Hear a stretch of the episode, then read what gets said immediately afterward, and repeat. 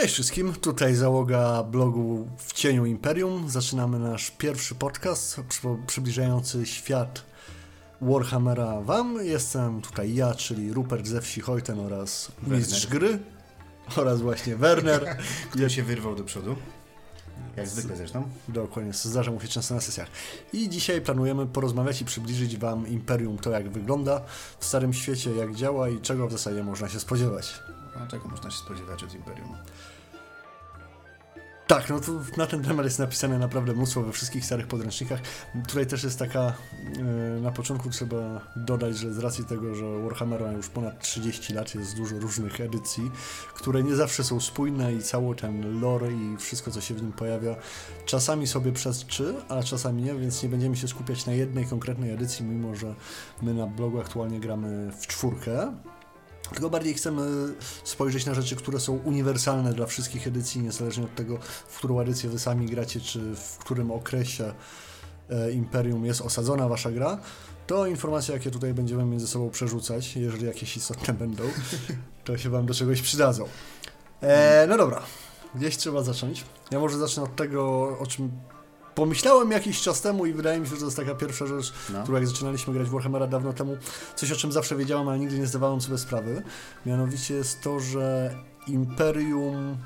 Niby wszyscy sobie zdajemy sprawę, że jest podzielone na różnego rodzaju prowincje i że każda prowincja jest w dużej części autonomiczna, ale to jak bardzo jest tak naprawdę autonomiczna, mi się wydaje, że najfajniejszy przy, przykład, jaki słyszałam, to jest kwestia Unii Europejskiej i tego, jak to dzisiaj wygląda. Ja przepraszam, że teraz wciągam e, prawdziwą politykę na teren hobby, ale chodzi mi w dużej mierze o to, że jeżeli popatrzycie na to, co się dzieje, nieważne jakie są aktualne wydarzenia polityczne, to to, co się dzieje, dzieje tam w Brukseli, bo ktoś chce przepchnąć taką czy nie inną ustawę, czy takie, a nie inne prawo ma wejść. Znaczy Unii są dyrektywy, no tak. rozporządzenia, więc inne ten. Tak, ja wiem, ale chodzi mi o to, że no. wiesz, z perspektywy postaci w Warhammerze, jeżeli jesteś w Ostlandzie i nagle, nie wiem, masz jakąś tam plotkowanie, udany rzut e, no, ze sklepikarzem plus, plus sukcesów na przykład. Dokładnie i słyszysz, że imperator postanowił, że nie wiem, co imperator mógł postanowić. Na przykład, że nie wiem, trzeba płacić dziesięcinę jeszcze trzynastą, pomimo, że miesięcy jest 12.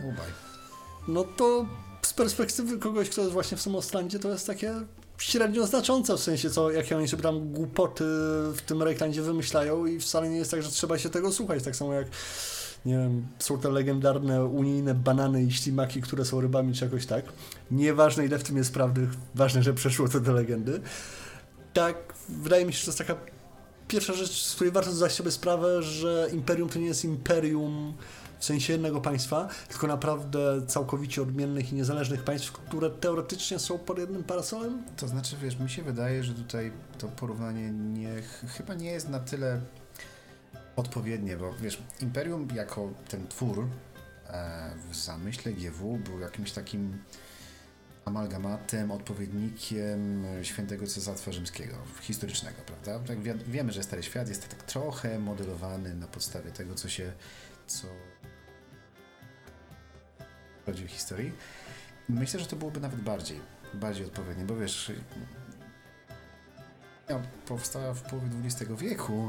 Tutaj mamy jednak y, późne średniowiecze, wczesny renesans i to, to, to, co działo się w Ulm, a to, co się działo we wschodnich Prusach, nie miało do siebie nic, a nic. Dokładnie tak samo, jak to, co się dzieje w Nordlandzie i w Wisenlandzie, nic do siebie. To, znaczy nie no, ja się z Tobą zgadzam, tylko że zakładam, no. że większość z, nas, z, naszych słuchaczy w przeciwieństwie do nas nie, do, nie dorastała. Nie, przepraszam. Wiesz, to jest, to... W, cza, w, czasach Cesarstwa e, Rzymskiego i o ile tak to jest prawda, że no. to, to się dopiera, to chodzi mi o to, że wiesz, to jest bardzo prosty sposób, żeby sobie wytłumaczyć, jak to działa nie, dla, nie w skali 1 do 1 oczywiście, bo ta Unia nie ma za bardzo nic wspólnego z Imperium czy z Cesarstwem Rzymskim, ale pewne mechanizmy... Świętym Cesarstwem Świętym... Rzymskim Narodu Niemieckiego. A, które, nie było, które nie było ani rzymskie, ani święte, ani... Tak, nie, w sumie trochę niemieckie. Ale to, to, to, to Woltera pomijmy na chwilę, więc mówię, tak, tak ja wiem, że ten przykład e, z Unią jest przesadzony, ale myślę, że jest taki dużo łatwiej się każdemu do tego odnieść niż do praktyki Cesarstwa Rzymskiego, nie? No tak. Świętego no, Cesarstwa Rzymskiego. E, no tak, a mamy tutaj też mamy imperatora, tą postać, wokół której się narracja e, młotka kręci od samego początku właściwie, bo od pierwszej edycji zawsze panował nam miłościwie Karl Franz. E, no i co? Jeżeli ten Karl Franz jest sobie tym cesarzem, imperatorem, to co ten imperator cesarz może? No właśnie to, to może niewiele, nie? to z, tego, to, mało. z, z tego co wychodzi, ponieważ jak każdy wie z lektury podręcznika, e, sk- skąd bierze, zacznijmy może od początku, skąd bierzemy imperatora? Imperator jest wybierany przez elektorów. Dokładnie. Oni z kolei wywodzą się z drugiej tradycji imperium. W każdym razie Sigmar zjednoczył te 12 plemion. Mam nadzieję, że 12 nie się pomyliłem. Każdy tam potem po wojnach dostał runfanga, który symbolizuje to, że można oddać głos elektorski między innymi i wybrać nowego imperatora. Do tego jest. się jeszcze oczywiście dołożyły kościoły, czyli i kościół Ryka i kościół Sigmara. Oraz jedno takie małe, mała kraina zgromadzenia. Dokładnie, bo niziołki też mają swoje do powiedzenia, jak zwykle zresztą.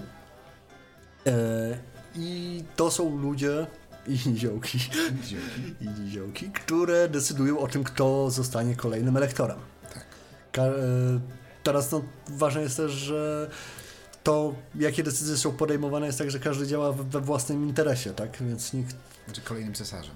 Tak, dokładnie. Chodzi mi o to, że wiadomo, że żaden elektor nie będzie chciał wybrać kogoś, kto będzie w stanie go trzymać za mordę, za przeproszeniem. No, byłoby to głupie. Tylko wy, wybiera się takiego elektor, e, takiego cesarza, jaki będzie dla nas wygodny, tak? To jest jakbyśmy sobie w pracy wybierali szefa, tak? W sumie nawet fajnie. No, znaczy no fajnie, no ale ty nie, wiesz, nie wybierasz sobie sze- szefa takiego, który stara się, żeby wszyscy napierdzielali non-stop, żeby było jak najwięcej dla firmy, tylko takiego, który nie będzie za bardzo wchodził w drogę i dbał o pracownika, nie? No i potem się kończy takim czasem trzech cesarzy, prawda? Dokładnie, to zresztą też było ukradzione na potrzeby e, historii Imperium gdzieś, Tak, tak, tak. tak chyba z 1500 lat temu, kalendarza imperialnego. No, ale generalnie jest takie głosowanie i z tego wychodzi nam nowy imperator, oczywiście nasz najnowszy, jedyny wspaniały, e, święcie nam panujący Karl Franz, e, który podobnie jak jego ojciec jest imperatorem, udało mu się w kolegium elektorów e, zostać wybranym. Bodajże jednym głosem przewagi chyba. Tak, dru, drugi był Boris Todbringer z Middenheim. Nie żyje. Tak, heresja. I on właśnie jest tam miłościwie panującym władcą, e, władcą całego imperium. Niemniej jednak właśnie pomijając Reikland, czyli jego rodzinną prowincję, której sam jest księciem i w której sprawuje władzę, też nie do końca niepodzielnie, ale to już jest inna kwestia, może sobie to zostawimy na później albo nawet na inny odcinek, Jak nic. e, to nie może aż tak dużo w zasadzie zrobić a propos tego, co jest poza granicami Reiklandu. Który, którym włada wcale nie dlatego, że jest cesarzem. Tak, tylko dlatego, że jest jego księciem. Tak. Eee, To, co właściwie może taki, taki Karl Franz? taki Karl Franz. Ka- Karl Franz, z tego co mi się wydaje, ja bym się chciał tutaj po, ten, e, powołać na źródła, ale nie mam nic przygotowanego, więc się nie będę powoływał. Karl Franz, e, no kwestia wojny, tak? To, to jest podst- podstawa tak naprawdę, wydaje mi się. To jest podstawa to są podatki i pieniądze. Może powinniśmy zacząć od podatki i pieniądze. Tak, tylko że. Okej, dobra. Ale imperialnych podatków. Imperialnych podatków jako tako nie ma, są e, podatki na drogi ściągane niby w imieniu... Im... Znaczy, okej, Wciągane niby w imieniu imperatora przez Road Wardenów, Tak. które idą na ich utrzymanie teoretycznie. tak, ale system podatkowy generalnie w Imperium opiera się o system feudalny, Tak. więc podatków nigdy się nie, speł... nie, nie, wpłaca do jakiegoś głównego imperialnego urzędu podatkowego. Więc, Tylko- więc nawet jeśli byłyby zebrane, to byłyby zebrane z prowincji. Ale ja, wiesz, przygotowując się do tego, szukałem te, takich rzeczy. No, Znaczy, u, urok św- Warhammera jest taki, że jest pełen niedopowiedzeń i sprzecznych informacji, ale no, mówię, to w, wydaje mi się, że założenia są takie, że wszystko się opiera oczywiście o system wasalny, więc każdy pan ma swoich wasali, każdy... którzy mu płacą odpowiednią Dokładnie. część, to potem idzie do I góry to i idzie- zmniejszane o odpowiednie... Dokładnie, więc e, załóżmy, jeżeli mieszka ktoś w jakimś mieście, nie wiem, w Wissenburgu, załóżmy, no to masz dom, należy do jakiegoś cechu i tak dalej, więc jak odprowadzasz podatki? No część podatków zapewne, zakładając, że jesteś rzemieślnikiem i należysz do cechu, No to odprowadzasz bezpośrednio do cechu, czyli do gildii. Jest Bo to jest- składka na gildii. Dokładnie. Potem pewnie miasto ściąga z ciebie taki, a nie inny podatek za nieruchomość czy coś takiego. Są składki na drogi za przechodzenie przez most. E, tak, my to generalnie, bo to też wydaje mi się, że warto jest odwołać się do tego, co tak naprawdę gracze mogą spotkać na sesji, bądź czym mistrz gry może e, męczyć graczy. Więc taki pierwszy bezpośredni podatek na jak najłatwiej się doczepić do gracza, To, to jest myto. I od nogi każdej liczone. Dokładnie, Tak. więc albo płacimy w przejścia przez most, przez śluzy, promy, Bramę, bramy do miasta.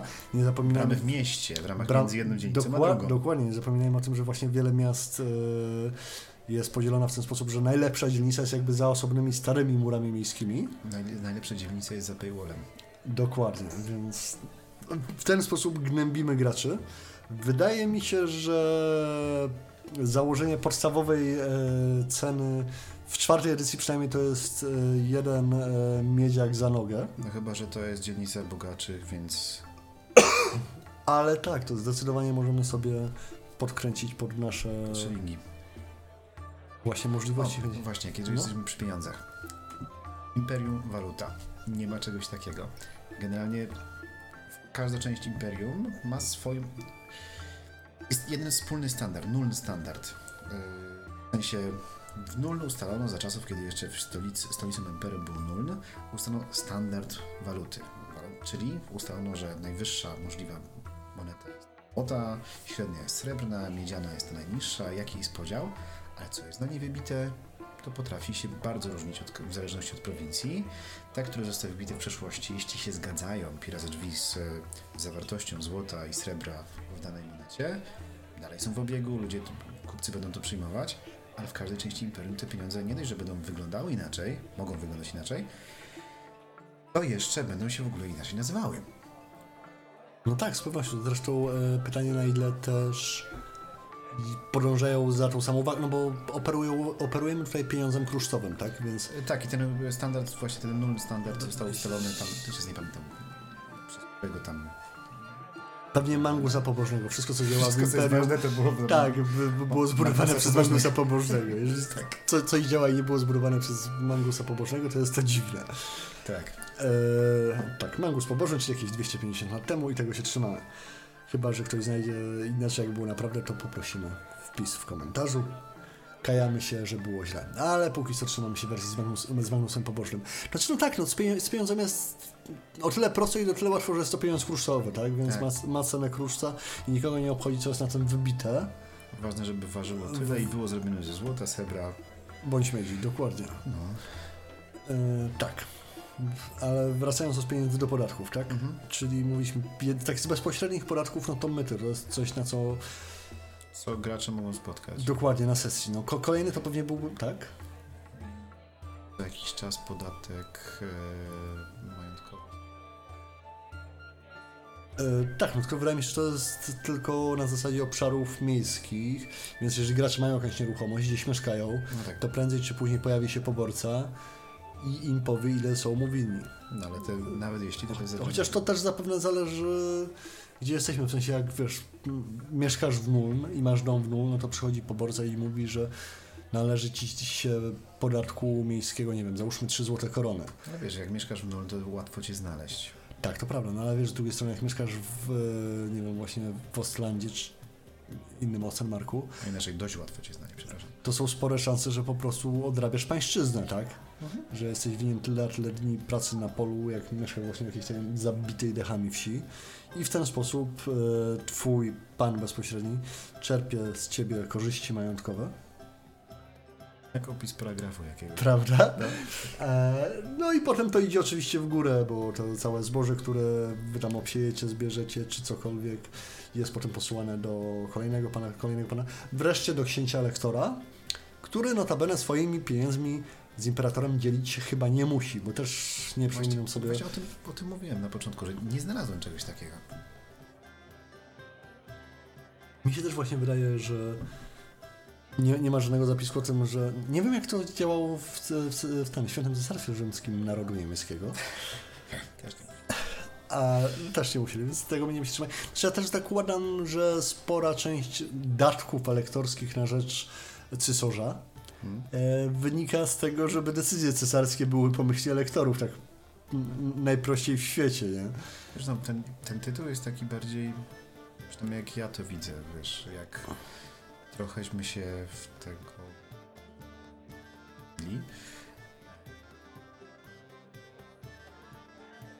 Natomiast od tej strony, no, to jest tytuł prestiżowy, taki, który przewodzi, jest pierwszy między niby równymi, ale tak naprawdę bardzo mało może.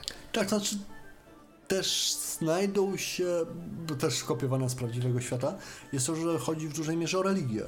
W sensie tytuł... Bo Sojusz Tronu Solitarzem, tak. Tak, w dokładnie. tym wypadku jak najbardziej. I właśnie Młotku totalny. to Kościół Sigmara, który notabene ma łącznie chyba cztery głosy elektorskie. Nie chcę skłamać, bo to jest tak, że ma... Chyba trzy, ale... Znaczy jest trzech kapłanów Sigmara, ale Wielki Teogonista ma chyba dwa głosy. To wydaje mi się, że zależy od wersji, którą się czyta, ale... Ale to chyba w czwartej edycji, bo w trzeciej miał, łącznie miał trzy. Był Tak? właśnie wielki, wielki teogonista i dwóch archlektorów. Mi się kojarzy, że właśnie Wielki e, Teogonista sam ma dwa głosy, ale możliwe, że coś Znaczy, kłamie i inaczej, dobra, mo, może tak być w czwartej. Ja tych Nie, w czwartej nie, materiałów mi się czwarte, wydaje, że to- czwartoedycyjnych tak. nie czytałem. No w każdym razie Kościół Sigmara ma przynajmniej trzy głosy. Tak, miał, miał trzy też w trzeciej edycji. Podczas gdy Kościół Ryka ma tylko jeden. No i oczywiście każdy z osobnych elektorów też ma po jednym głosie.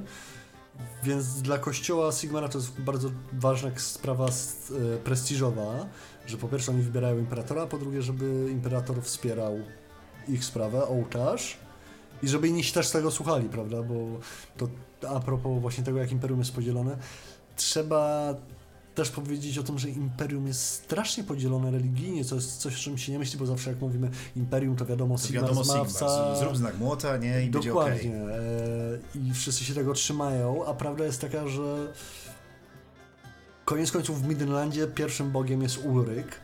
Plus, żeby nie było wielkich... Okej, w politeizmie, bo imperium jest politeistyczne, dość łatwo o jakiejś wojnie religijnej. I żeby ich nie było, wprowadzono to wielkie konklawę, które ma jakoś ucierać te rzeczy. Niektóre rzeczy są wspólne, na przykład to, że nie lubimy chaosu, albo innych bogów, którzy może nie są bezpośrednio powers, ale też są nielubiani jakoś szczególnie. E, Kane na przykład. Nikt tego oficjalnie nie wolno. To nie, teoretycznie niby nie jest chaos, ale w Imperium nie wolno wyznawać Kaina. Tak, Zakazane no, tylko ja też nie wiem na ile oni, w- sensie kapłani, którzy ustalają te zasady, rozróżniają Kane'a od chaosu i na odwrót. To jest- nie? Tak, dokładnie. No ja mam problem. No tak, to, to znaczy, to, może nie, nie na teraz, ale No oczywiście, więc... generalnie uważam, że ciekawa jest kwestia właśnie jak spojrzymy na archetypy bogów, to można rozpisać Korna na takiej skali, gdzie masz Korna z jednej strony i schodzisz w dół, jest Kane, potem Ulryk, potem Sigmar i... Bo to wszystko, wszystko jest trochę to samo, tylko na, na innym natężeniu, ale pomijmy tę herezję teraz, proszę się nie zabierać inkwizycji. I co? Więc jest, jest ciało, które zostało powołane do tego, żeby rozwiązywać takie problemy. Właśnie taką klawę. E, bodajże. Mm, Może być, znaczy... Ale to jest temat w ogóle na... Ja właśnie z Religia w Imperium jest to jest w ogóle osobny, bardzo skomplikowany i duży temat. Tak, z którym też mam straszne problemy tak naprawdę z wielu praktycznych powodów. No bo tak. Nie łączy tego religia. Oczywiście, bóstwem opiekuńczym imperium jest Sigmar. Ale w różnych regionach różnie do tego Sigmara się podchodzi. W niektórych jest głównym mm, w innych jest może traktowany jako święty, jeszcze innych jako taki opiekun całości, główny punkt odniesienia kulturalny. A jest dużo, więc religia nie jest rzeczą, która łączy imperium. To prawda, mimo że jest wspólny panteon, ale to jest Tak. tak, i, tak naprawdę tak jest złożony z dwóch panteonów bogów starych i nowych. Mamy tych klasy, w zasadzie to trzech, bo jeszcze mamy, mamy klasycznych bogów w stylu Wereny, Myrmidii, Wszystkie stile jest stali. wszystko właśnie stylu importowane. Jesali. Mamy tych sta, starych, starych bogów typu Tal. Tal, Ojciec Rejk i tak dalej. No i mamy właśnie bogów e, nowego panteonu z Ulrykiem, Sigmarem i Morem na przykład na czele i to wszystko się troszeczkę miesza i stara się równoważyć, ale też z czysto praktycznych względów musi różnie wyglądać, no ponieważ jak mieszkasz obok Sylwanii, no to modlisz się do Mora, a nie do Sigmara, nawet jak to Sigmar jest. Znaczy myślę, że jakbym mieszkał koło Sylwanii i Bym się do von Karsteina. E, tak, no tak. Ja przepraszam za moje kaszlenie, ale aktualnie jestem błogosławiony przez dziadka Norgla i dlatego będę heretykiem dzisiaj. Niemniej tak. Mamy wspólnej jakiejś takiej polityki finansowej, nie da się tego ogarnąć. Nie mamy wspólnej ligi właściwie. Mamy wspólny język, no ale trudno powiedzieć, że to jest coś, co konstytuuje państwo. Imperium byłoby w takim ujęciu jakąś przestrzenią między szarymi Kislewem i Morzem Chaosu na północ, które wspólny ma język, podobną kulturę, podobną, nie, nie taką samą, ale podobną. I te same figurki od Games Workshop. No tak, tak, te same figurki od GW, a, ale tak naprawdę jest zbiorem państw, które ze sobą, zbiorem no, państw osobnych, Tak. Konfederacją państw, które ze sobą mają mało wspólnego. No to prawda. Znaczy, tylko kolejny minus też jest taki, jak się przechodzi przez różne źródła, wszystkie podręczniki i innego typu rzeczy, że z całego imperium, ze wszystkich, powiedziałbym 12, ale to zależy o którym okresie mówimy, ale tych prowincji koniec końców jest kilkanaście. W miarę opisany jest Reikland, Midland i Wissenland głównie z uwagi na Nun. No i wiadomo, że Averland jest bardzo taki dość równy i hodują tam dużo krów. Tak. I konie. Dokładnie, ale właśnie jak chce się uzyskać dużo informacji na W temat... Tarabeglandzie jest dużo, dużo drzew. Tak, ale e, na przykład z map Averheim to znalazłem ostatnio jedną Mhm. i wpisy na Wikipedia po propos Averlandu są też takie dość mocno lakoniczne. Tak, jest płasko, nie ma, nie ma drzew, hodujemy dużo bydła. No. I tyle wiemy o Averlandzie. E, No podobnie jest tak naprawdę z Ostenmarkiem, e, z Ostlandem. Wiesz, że żadna moja postać przez tyle lat, jak graliśmy w Młotka, nigdy nie była w Norlandzie? No tam nic nie ma. To nie, no ale prawda jest taka, że mówię, no Imperium właśnie wszystkie opisy tak dalej skupiają się do... Teraz czwarta edycja też to podchwyciła, chociaż podoba mi się ich podejście na, na tej zasadzie, że okej, zrobimy Reikland na początku Mhm. i zakładam, że jest nadzieja, że potem będzie coś innego, no ale tak naprawdę wszystkie te większe kampanie, o, opisy sprowadzały się do Reiklandu z Aldorfem, e, Midenlandu z Midenheim oczywiście, no Wissenland z Nun. Jest w Talabheim się przewija z Talabeklandem, No. ale tak im dalej, no wiadomo, że tam Ostland, Sylwania, są gdzieś wampiry, chociaż najśmieszniejsze jest to, że tak na dobrą sprawę też nie jest wytłumaczone, jak funkcjonuje współczesna Sylwania w perspektywie ludzi mieszkających w Imperium, powiedzmy relatywnie niedaleko od niej. Wiesz co? Ja się tu chyba nie mogę zgodzić, bo w trzeciej edycji pamiętam w którychś e, podręcznikach źródłowych chyba... Teraz nie chciałbym skłamać, jak, nie pamiętam jak się nazywał, ale mógłbym odpalić kompa i tam to znaleźć. Eee... Było dość dobrze opisane, jak wygląda, jak wygląda i te wszystkie karsztajnowskie intrygi, próby zdobycia władzy nad imperium, cała historia tego i to, że wbrew pozorom dla ludzi mieszkających w tamtym regionie zmiana na właśnie von Karsteina, po tym jak się hajtnął z Izabelą i w ten sposób e, zdobył tam powiedzmy władzę w tym regionie, dla ludzi mieszkających tam było to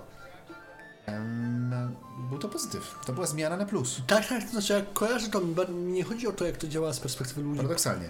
e, pod Karsztajnami, znaczy, bo to... Znaczy inaczej, teraz to się tam pozmieniało, już dawno nie żyją, są inni Manfredy i Tak, tak dalej, cała to- ta...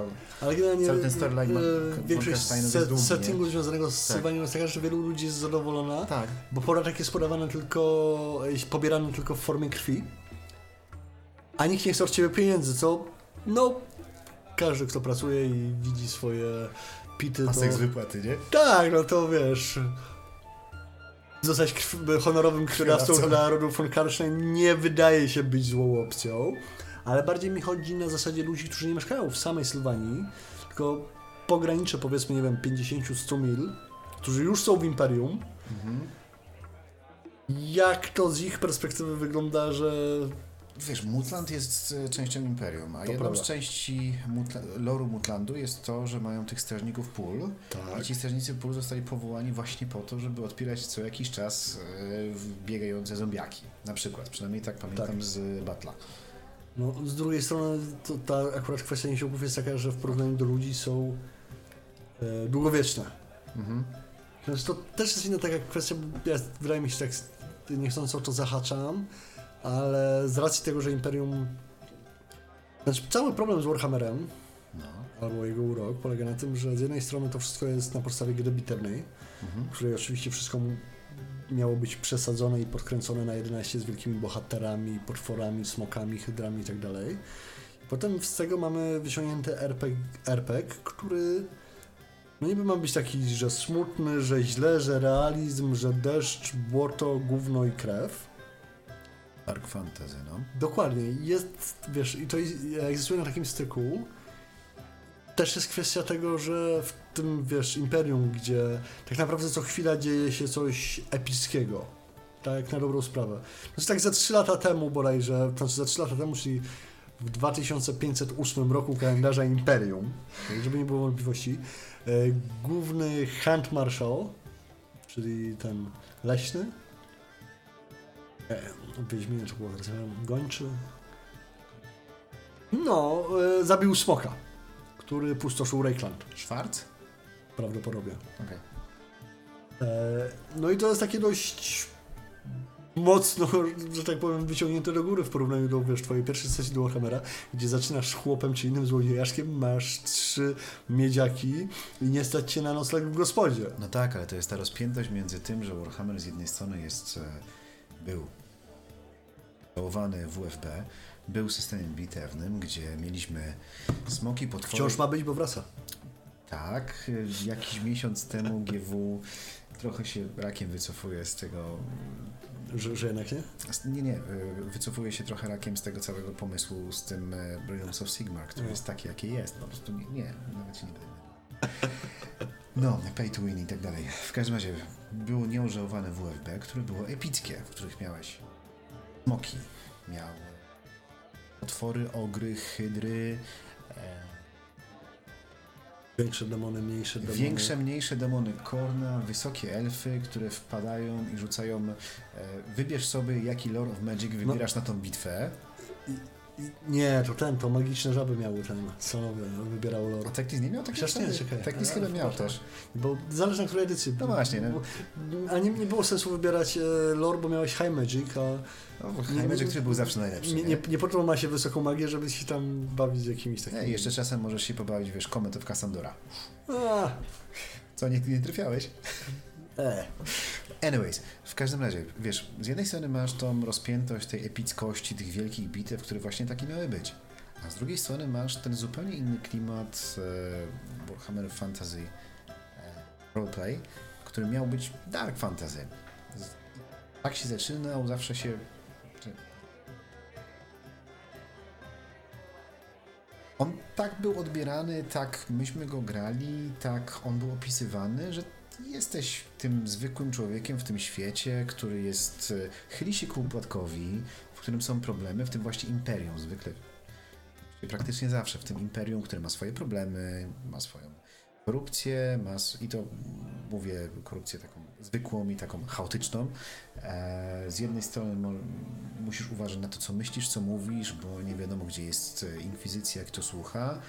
Z kolejnej strony masz problem z, no ze wszystkim. Wszędzie masz problem, a jeszcze na drodze, na każdym gościńcu mogą cię za- zaatakować, nie wiem, bestigory albo coś takiego. I jest taka rozpiętość od tego, e- tej epickości e, Batla do tego błota WFB. To jest WFP, przepraszam. Ja, ja, ja się zgadzam z tobą całkowicie, właśnie generalnie do, dążyłem do tego. Ja to widzę generalnie w ten sposób, wiesz, właśnie, też jak pytanie, czy jak masz graczy na sesji i tak dalej, zaczynamy, okej, czy my wiemy na przykład o chaosie, czy wiemy o goblinach, czy wiemy o skawenach, oczywiście, że nie wiecie o skawenach, e, czy wiemy o gigantach, czy wiemy o magii to, czy wiemy o, o tym, o tamtym. I moje rozumienie takie czysto chłopskie i praktyczne jest takie, Aha. że wiesz, w zależności od tego, gdzie mieszkasz Mm. i co się w twojej wsi działo przez Mhm. ostatnie 200 lat, to o tym możesz ewentualnie wiedzieć. Więc jak pochodzisz z Port Sylwanii, to babka czy ktoś tam ci mówił o nieumarłych wstających Że raz na miesiąc ktoś musi pójść tam i tam za chwilę wróci, taki bardzo blady, ale wszystko będzie okej, tak? Na przykład, tak. Jeżeli pochodzisz, nie wiem, gdzieś z gór, to mogłeś e, pomagać, nie wiem, odpierać atak goblinów czy coś takiego. Jeżeli pochodzisz gdzieś tam z Nordlandu, gdzie jest enklawa Urelfów, Mhm. to mogłeś widzieć kiedyś właśnie leśnego elfa, albo wiedzieć, że one są i żyją w lasach. Jeżeli pochodzisz z nul, no to mogłeś widzieć dużo różnych dziwów, ale na, Na przykład, przykład armaty. na przykład dużo, armaty. Bardzo dużo armat. Dokładnie. Albo wysokie elfy, bo tam jest chyba enklawa wysokich elfów? Ale w sensie też trzeba zwrócić uwagę na to, że w czasach, na których Warhammer jest wzorowany, większość ludzi żyła, rodziła, żyła się i umierała w promieniu no, kilkunastu, kilkudziesięciu mil. A bohaterowie gracze nie. Dokładnie. W sensie urodzili się i tak dalej, ale podróżują po tym świecie, zwiedzają różne rzeczy, widzą więcej niż pozostali ludzie. W końcu z jakiegoś powodu mają te punkty przeznaczenia, więc równie dobrze mogą je spalić w zupełnie zapomnianym przez Sigmara oraz innych bogów Panteonu. Imperium, kawałku, kawałku ziemi, żeby tam przeżyć. Okej, ale dobra. No i są tymi ludźmi, jeżdżą po tym Imperium. Jak dla nich to, jak to, jak to w Imperium funkcjonuje, na nich się może odbijać? Znaczy, to co tak z tego, co ja przeglądałem, co czytałem, wydaje mi się, że pierwszy taki punkt, znaczy, wiadomo, musimy zacząć od tego, że Imperium jest systemem klasowym, tak? Tak. I generalnie to widać, z której klasy jesteś. Oczywiście, co po niektórzy mogą udawać, że są wyżej bądź niżej niż są naprawdę, to się zawsze da zrobić, ale wydaje mi się, że taka najważniejsza rzecz, trzecia, to, to, Ale swoją drogą No. ważne podkreślenie, warte podkreślenia jest to, że w systemie nie ma niewolnictwa, y, że w Imperium nie ma niewolnictwa, nie tak jak w Bretonii. tak, Więc e, nawet najgorszy chłop może się zerwać z tej ziemi i gdzieś pojechać. Nie jedzie, bo jest do tego przyzwyczajony. Nie dlatego, że musi tam siedzieć. Zwykle się nie rusza, bo mu to do głowy nie przychodzi. to prawda, to znaczy Ale jechać może. Jak najbardziej. To znaczy mówię, mi się wydaje, że to w dużej mierze to, na czym można się oprzeć jest to, że gdziekolwiek nie będziesz, pomijając duże miasta, tam działa to trochę inaczej, zawsze jesteś uważany jako obcy. Poza tym tutaj wydaje mi się też bardzo ważna jest e, do poruszenia kwestia, kwestia prawa. E, ponieważ generalnie prawo nie jest równe dla wszystkich w Imperium. Prawo Tak w z- wielu miejscach nie jest spisane dla, Znaczy już dla nikogo. Znaczy abstrahując z tego, że prawo się dzieli, bo są prawa lokalne, w- inne na wsiach, inne w miastach, inne w poszczególnych prowincjach. Oraz jeszcze mamy taki lokalny zwyczaj, Tak, dokładnie. I odwoływanie się do, nie wiem, yy, jakiegoś wielkiego trybunału w Strasburgu pod Daldorfem generalnie się nie zdarza. E, Odwołam się do Trybunału w Karoburgu, nie? Dokładnie, Trybunał w Karaburgu. Dokładnie to. Podoba mi się. E, zależy od tego, skąd pochodzisz. W sensie, jeżeli jesteś szlachcicem, no to okej, pewne rzeczy da się zrobić, tylko z drugiej strony nie wystarczy sam tytuł szlachecki, bo żeby, żeby w ogóle móc coś ugrać, to trzeba znać ludzi i mieć pieniądze. To jest też jeden powód, e, dla których w miastach działają cechy. I na czym się tak naprawdę opiera cała idea cechów czy gildii że wielu rzemieślników zajmujących się tym czy tamtym łączy się razem po to, żeby większa organizacja reprezentowała ich interesy. I wtedy ktoś, e, kto na przykład, nie wiem, ma jakiś projekt, żeby coś zbudować, załóżmy, że miasto chce wybudować nowy most, nie przychodzi, nie zgarnia 10 kaj- e, kamieniarzy każdego z ulicy i mówi, ej, ej, zrobicie tak, tak, a nie tak, tylko to jest wszystko negocjowane z cechem, No tak. Bezpośrednio. Tak samo, jeżeli na przykład kamieniarz e, w mieście zostanie, e, nie wiem, osądzony, znaczy postawione mu zostaną zarzuty, to nie jest tak, że jest sądzony jak każdy pierwszy prosty chłop ktokolwiek innego, tylko na jego rzecz wychodzi ktoś z cechu, czy ktoś zatrudniony przez cech, kto go reprezentuje. E, to pamiętam, jak o tym czytałem, taka bardzo ważna rzecz, jak próbujemy sobie ułożyć różnicę między systemem feudalnym e, z suwerenami i wasalami, a systemem takim demokratycznym, w jakim jesteśmy e, przyzwyczajeni do życia, że u nas generalnie pojmowanie jest takie, że jak czegoś się nie da zrobić, to łapiemy więcej osób, którzy mają taki sam punkt widzenia jak my, są tacy jak my i próbujemy zrobić to razem. No. W systemie feudalnym zwykle to działa inaczej. To nie jest tak, że zbiera się trzech chłopów i mówi, ok, teraz jest nas trójka czy trzydziestka, to będzie nam łatwiej, chociaż takie rzeczy też się pewnie zdarzały. Tylko idzie się do pana i mówi, panie, pa, pa, pan, pan, pan jesteś panem, pan się znasz, zrób tak, żeby było dobrze.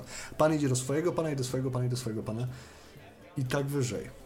I teraz chciałbym powiedzieć, że nie pamiętam od czego zacząłem ten cały piękny wywód. I komu to przeszkadzało, tak? Komu- A, dało się, dało się. Nie, ale nie tak. Imperium i system klasowy, ale trochę odeszliśmy od początkowego Tak. tematu. W sensie, co może imperator? To, trochę to zdecydowanie. Tak, co, jaki jest stosunek między imperatorem a e, i czy ich coś łączy w całość, oprócz tytularnego stosunku zwierzchnictwa i podległości, tego, że mają wspól, wspólne zagrożenie. Czasem, co jakiś czas. Znaczy, wydaje mi się taka podstawowa rzecz, która musi to łączyć, to jest handel. Tak ostatecznie rzecz biorąc, jak w życiu. Mm, tak. E, W sensie każda prowincja musi polegać na innych w jakimś tam zakresie. Koniec końców, mamy te biedne prowincje, które zapewniają żywność. I e, drewno, materiały Dokładnie. do przetwarzania, I tak? mamy bogate prowincje typu właśnie Reikland, Wissenland, Znul, które dysponują technologią i wszystkimi innymi cudami, wiesz, świetnie wyszkoloną armią. No ale Jezu, w takim Reiklandzie to jest głównie las. I rzeki, i las kanały. Tak, las, rzeki i kanały. I trochę góry, kopalni. Tak, i góry z jednej strony. Tak. I no to doszlibyśmy do wniosku, że rzeczą, która tak naprawdę spaja imperium jest system rzek. Znaczy to na pewno jest z racji bycia wzorowanym właśnie na świętym Cesarstwie Rzymskim. E, Zresztą to też jest bardzo w Warhammerze zawsze jakby mocno wypowiedziane, to też, też się pojawia w kampaniach, że im- Imperium żyje z rzek, tak? Mamy wielki rejk, który jest podkręcony Grand, Grandfather Rake, nie? Dokładnie, który jest podkręcony do tego poziomu, że tam floty morskie pływają. Zresztą e, ostatnia Dokładnie. w zależności w którym czasie się e, oczywiście gramy, ale e, ostatnia wielka flota imperialna nigdy nie wypłynęła chyba na pełne morze, ponieważ podatki w Marynburgu są za wysokie i pływa sobie po rejku. Więc mamy W Nordlandzie zdaje się jest teraz por od czasu, kiedy tak, bo potem Tak. flota jest w Norlandzie, ale wydaje mi się, że floty są dwie albo trzy. Mówię, to wszystko zależy od konkretnego roku, który rozpatrujemy. Tutaj staramy się być tak ogólnie, żeby nikt się za bardzo nie przyczepił, że nie mamy racji, ale mówię, sprowadza się to do tego, że tak, rejk jest ogromny, to znaczy rejk to jest w zasadzie takie długie morze, tak? W pewnych jego częściach de facto. to znaczy, no jak... No i w dolnym biegu? Prawdopodobnie. I oczywiście, no, całe, ta, tak jak, e, że tak powiem, potęga cesarstwa się w naszym świecie brała z tego, że było dobrze skomunikowane właśnie rzekami, z racji tego, że No ale jednocześnie problemy, bo te, tych rzek było kilka i każdy prowadziło do innego ośrodka miejskiego, do innego ośrodka władzy. dokładnie, i które z kolei powiedział, więc tak, no, transport rzeczny z jednej strony strasznie nam pomaga w tym, żeby to imperium działało i było ze sobą połączone, z drugiej strony daje nam dużo też pretekstu, żeby robić nowe przygody dla naszych wspaniałych bohaterów, tak? Dokładnie, a z trzeciej strony od 80 paru, jeśli dobrze pamiętam. No generalnie od poprzedniego wieku e, imperium dało się wyfrajerzyć i ujścia rzeki już teraz nie ma. No, E, tak, tak, tak, tak. E, słynna ten e, sprzedaż, no tak technicznie nie była sprzedaż. E, Marienburg wykupił swoją wolność. O, tak. To swoją drogą, e, tutaj taka ciekawostka, bo e, teoretycznie każda z prowincji, każda z wielkich prowincji ma głos elektorski. Nic o nas bez nas. Każdy, elek, znaczy czele każdej z prowincji, która ma różne systemy wewnątrz, ale jednak ta osoba, która znajduje się na czele tej prowincji, dysponuje runfangiem, mieczem, symbolem władzy elektorskiej. Dzięki temu może głosować. Już pomijamy te dwa runfangi, które się, jeden się stracił, drugi się znalazł. Nie, nie, ja tam, widzę, że staramy się wrócić do głównego tematu, zamiast rozmawiać o wszystkim, tylko nie o tym, od czego zaczęliśmy bardzo ładnie. Tak, nigdzie nie znalazłem, taka ciekawostka, ale no. grzebałem za tym, nigdzie nie znalazłem informacji o tym, żeby Westerland, prowincja Westerland, która, w której, której stolicą swego czasu był Marienburg, dysponowała kiedykolwiek własnym rumfangiem, a przez to prawem głosu w kolegium elektorskim w Waldorfie. Nieważne, kolegiem elektorskim kiedyś stolicą było nieistotne. E... Więc mamy prowincję, która nikt nigdy nie porusza tego tematu, że teoretycznie, żeby ta prowincja mogła się wypowiedzieć co do tego, kto jest cesarzem, bo Marienburg został zdobyty później i cały Westerland został podbity już po założeniu imperium. E, więc mamy tą prowincję, która nie miała głosu, nie ma informacji na ten temat, żeby miała głos. No i potem ta prowincja się odłącza. Ja myślę, taka ta ciekawostka, na miejscu mieszkańców Marienburga też chciałbym się odłączyć, jeśli faktycznie nie miałbym głosu. Bo wiesz, e, tytularnym, tytularnym księciem bodajże Marienburga jest e, tytuł księcia Marienburga jest połączony z Podbringerami z Winheimu. Ja przepraszam bardzo, że ja cały czas wtrącam przykłady ze współczesności, ale podobny problem jest ze Stanami Zjednoczonymi i Puerto Rico, które z racji tego, że nie jest Stanem, jego obywatele nie mają prawa do wybierania ani kongresu, ani prezydenta Stanów Zjednoczonych, nawet jeżeli służyli w amerykańskim wojsku i są e, weteranami. Więc tak, historia zna takie przypadki, tak? Jak najbardziej to nie jest Board Games Workshop w tym momencie. Tak, no, tak, tak to czasami z władzą najwyraźniej wygląda. Wiesz, ja też bym się chciał odłączyć od takiego czegoś, zwłaszcza, że jestem miastem portowym u ujścia największej rzeki kontynentu, przez którą przepływa największa ilość bogactw, które może pobierać za to wszystko cła. Wiesz, miasta portowe mają jakiego zresztą władzę nad tymi wszystkimi, którzy są wzwyż, w górę rzeki, no, nad nimi, tak. nie? Więc Marienburg jest jednym z najważniejszych miast jednym z najważniejszych miast y, był, naj, jednym z najważniejszych, to nie, no, najważniejszych miast, no ale tak, już nie imperium. No to zdecydowanie nie. Tak. No, a był, więc y, po prostu ta akcja z wykupieniem sobie no, wolności w zamian za gigantyczną łapówkę, no, zrobił dobry interes, no. No, nie, nie, nie mam wątpliwości. Więc co udało nam się ustalić przez ostatnie 40 minut rozmawiania o tym, czym jest Imperium? Czy, bo wiemy, czym nie jest. Tak, wiem, wiem, czym nie jest państwem, które ma jeden, jedną wspólną religię. Nie jest. Nie jest państwem, które tak naprawdę jest zjednoczone w jakiś taki sensowny, namacalny sposób, tak? Nie jest. Nie ma wspólnej waluty na dobrą sprawę. Na dobrą sprawę nie ma. Ma jeden wspólny standard, ale te pieniądze różnią się gdzie w ramach każdej prowincji.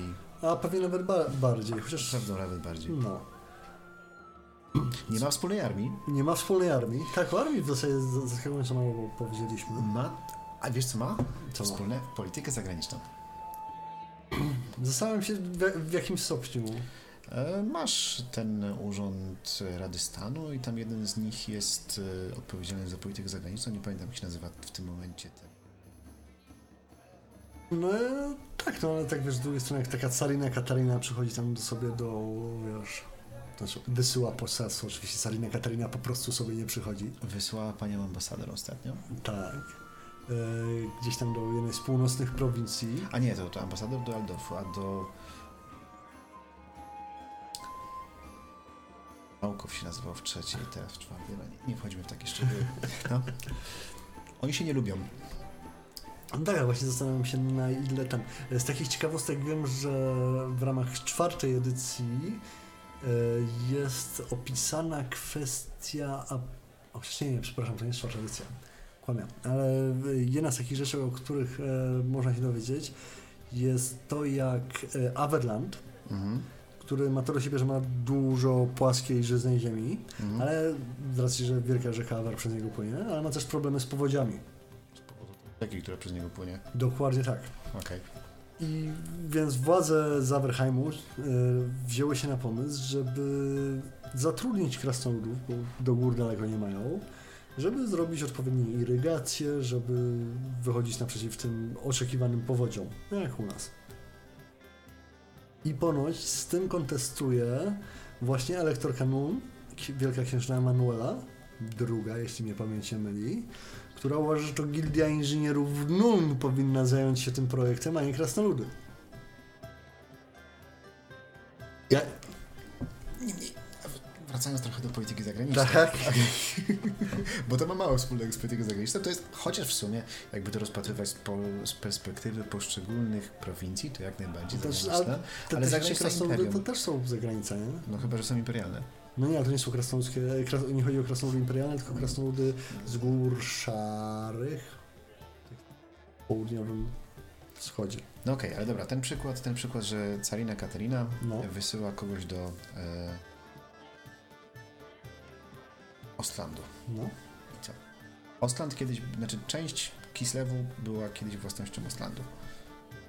Kiedyś była, Tak, no, No. nie wiem, no i mówi Carina Katarina do kogokolwiek, kto aktualnie urzęduje w Ostlandzie w Mhm. danym timeline'ie. A wiesz, fajnie nam się tak żyje, może byśmy sobie zrobili tak, żeby nam było jeszcze lepiej. I nie wiem, znosimy na przykład cła na futra e, kislewskie.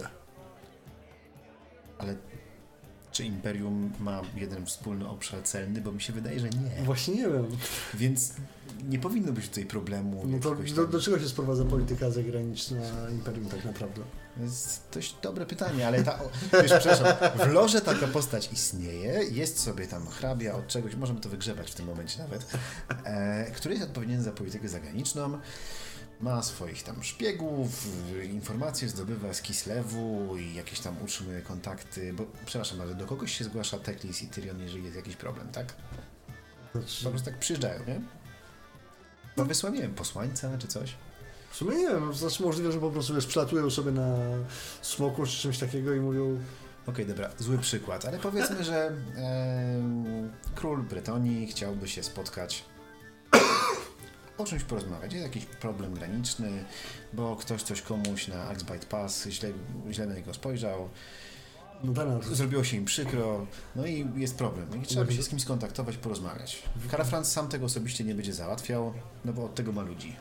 No tak, no to, to to jest właśnie problem na ile, zwłaszcza w przypadku Karla Franca, bo Karl Franc jest z racji tego, że jest jednocześnie i imperatorem, i wielkim księciem Reiklandu, więc pytanie na ile to jest kwestia prowincji Reiklandu, a na ile to jest kwestia imperium i imperatora, tak? Ponieważ w zależności od tego, wydaje mi się, że to może być w dużej mierze rzecz, która odstrasza ludzi od walki z imperium. Mhm. No, cała biurokracja i papierologia, która zajmuje do, wiesz, najpierw rozróżnienie tego, czy musisz walczyć z Reiklandem, czy z całym imperium i gdzie jest podział administracyjny i Ale dobra, ale to zatrzyma tylko wyznawców Myrmidii I Wereny. i Wereny, no. No. no w sumie tak, to To już wiemy, dlaczego nigdy nie było jakiejś takiej porządnej tilańsko-estalijskiej i inwazji na Inwazji na imperium. imperium, tak? Dość do mnie że nie Po- chciało mi się po- wypełniać wszystkich papierów. Pominijmy te góry, nie? Albo, albo wciąż je wypełniają, tak? Prawda? Od półtorej tysiąca lat esalijscy e, urzędnicy starają się wypowiedzieć wojnę w odpowiedni sposób imperium, imperium i każdej prowincji. Ja myślę, że, ja myślę, że w Tobaro istnieje osobny departament, który zajmuje się wypełnianiem imperialnych papierów, tak? No, ale dobra, powie, powiedzmy, że ma wspólną politykę zagraniczną do pewnego stopnia.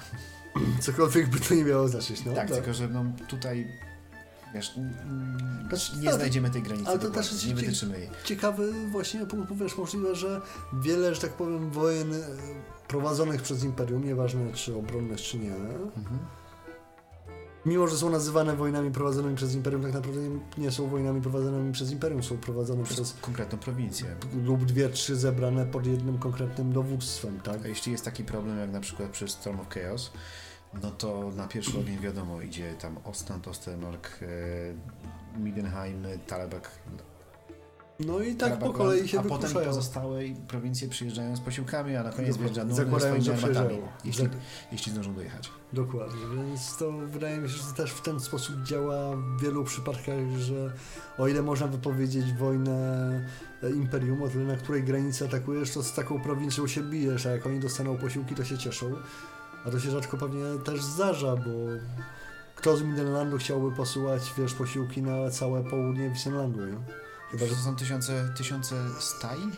Mil? E, Lig? Ostatnio jak sprawdzałem, tak z grubsza odległość między Marienburgiem Aha.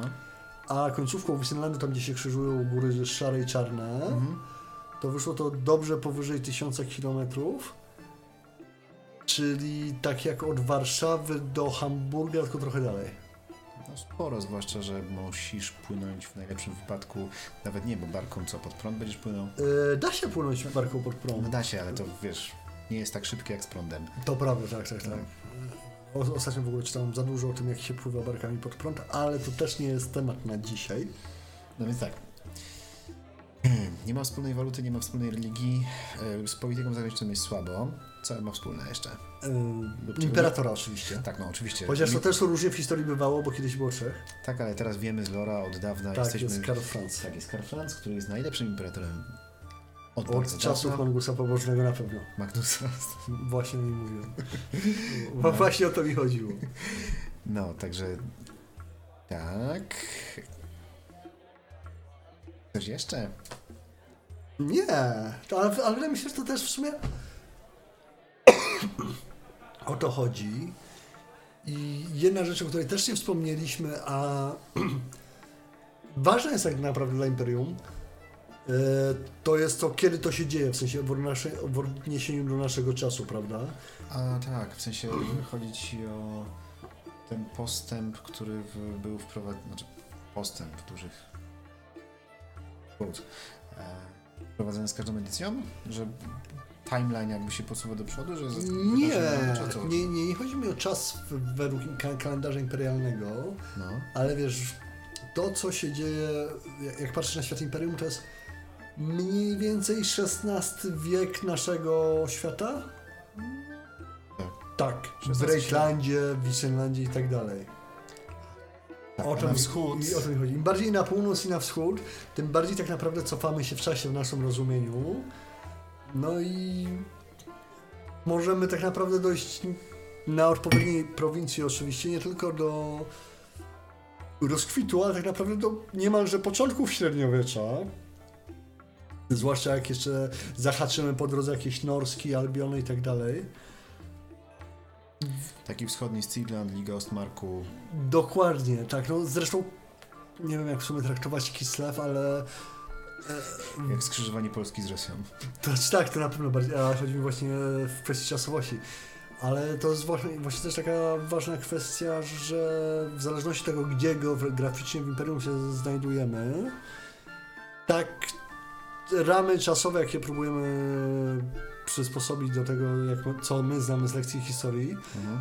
mogą się spokojnie różnić o kilkaset lat. Tak, tak naprawdę, gdzie na, na północno-wschodnich prowincjach to jest takie naprawdę srogie średniowiecze. Znaczy wiesz, ja osobiście mam z tym osobny problem, a Mhm. to jest e, chyba trochę inny temat. Jeszcze inny tak, tak. Nie, Tak, bo tak, tak, my, tak. my, my dzisiaj tak ogólnie chcemy e, pokazać zarys e, rzeczy, którymi chcielibyśmy zaczą, zacząć zajmować się, a nie, tam, nie, nie wbijać się w szczegóły. Mimo, że taki początkowy był plan, ale jak widać, to nie do końca nam wychodzi.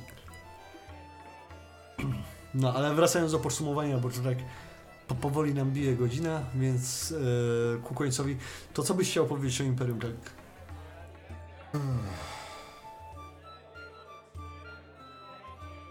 Podsumować Imperium.